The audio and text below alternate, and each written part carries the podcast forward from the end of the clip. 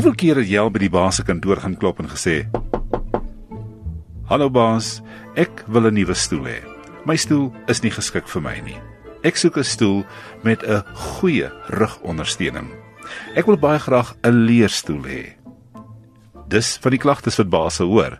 Maar is 'n stoel werklik die oplossing vir jou probleme in die kantoor? Die stoel word deesdae gesien as die moderne sigaret, nie omdat 'n stoel kan vergelyk word met 'n sigaret nie, maar die skade wat 'n stoel mag aanrig. Om te sit is nie 'n natuurlike posisie nie.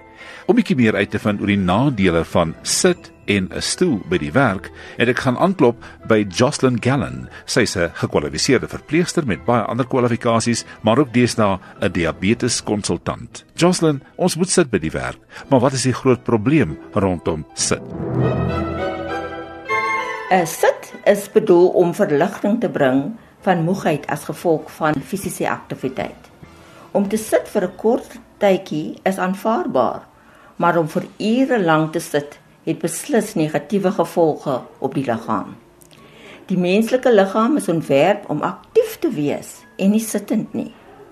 Mense wat meer as 6 ure per dag sit, het 'n hoër risiko vir toestande soos obesiteit, diabetes, hoë bloeddruk, verskeiende kankers soos borskanker, diktermkanker of longkanker, ook depressie en dan rug en ledemate probleme. Om vir 6 tot 9 ure per dag te sit word vergelyk met 'n pak sigarette rook. En dan een sittende uur is gelyk aan 2 sigarette. Nes rook is die langtermyn van negatiewe effekte van sit onkeerbaar.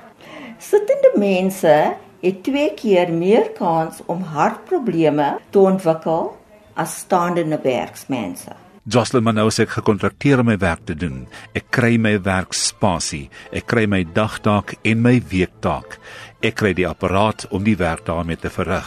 Het jy enige idees of voorstelle hoe ek my dagtaak kan doen sonder om van my stoel 'n sigaret te maak? Ek sal begin met eh, wanneer ons by die werk aankom. Parkeer so ver as moontlik van die ingang van die gebou. Want dit sal jou nou forceer om verder te stap en ook as jy klaar gewerk is, dan stap jy ook nou weer verder na jou uh, vervoer toe.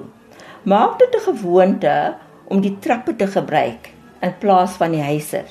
OK? Gebruik 'n kantoorstoel sonder wiele want dit sal jou forceer om op te staan en te beweeg om dingetjies te doen. Stap na jou kollega se lesenaar of kantoor liewer as om 'n e-pos te stuur. Staan wanneer moontlik, byvoorbeeld wanneer jy die telefoon gebruik of 'n koppie koffie drink. Gebruik 'n toilet op 'n ander vloer sodat jy verder moet stap. Gaan stap buite gedurende etenstyd veral na u geëet het. Stel jou rekenaar op 'n hoër plek sodat jy kan staan terwyl jy dit gebruik in plaas van sit. Gebruik 'n treeteller of 'n pedometer daagliks en deesdae kry jy dit op eh, jou selfoon of op jou horlosie en maak jou doelwit 10000 stappe per dag probeer om jou sittyd te verminder by 2 ure per dag. En dis 'n paar praktiese voorstelle van 'n Jocelyn Gallen. Kom ons probeer hierdie klein aanpassingkies vir 'n verbeterde lewenskwaliteit.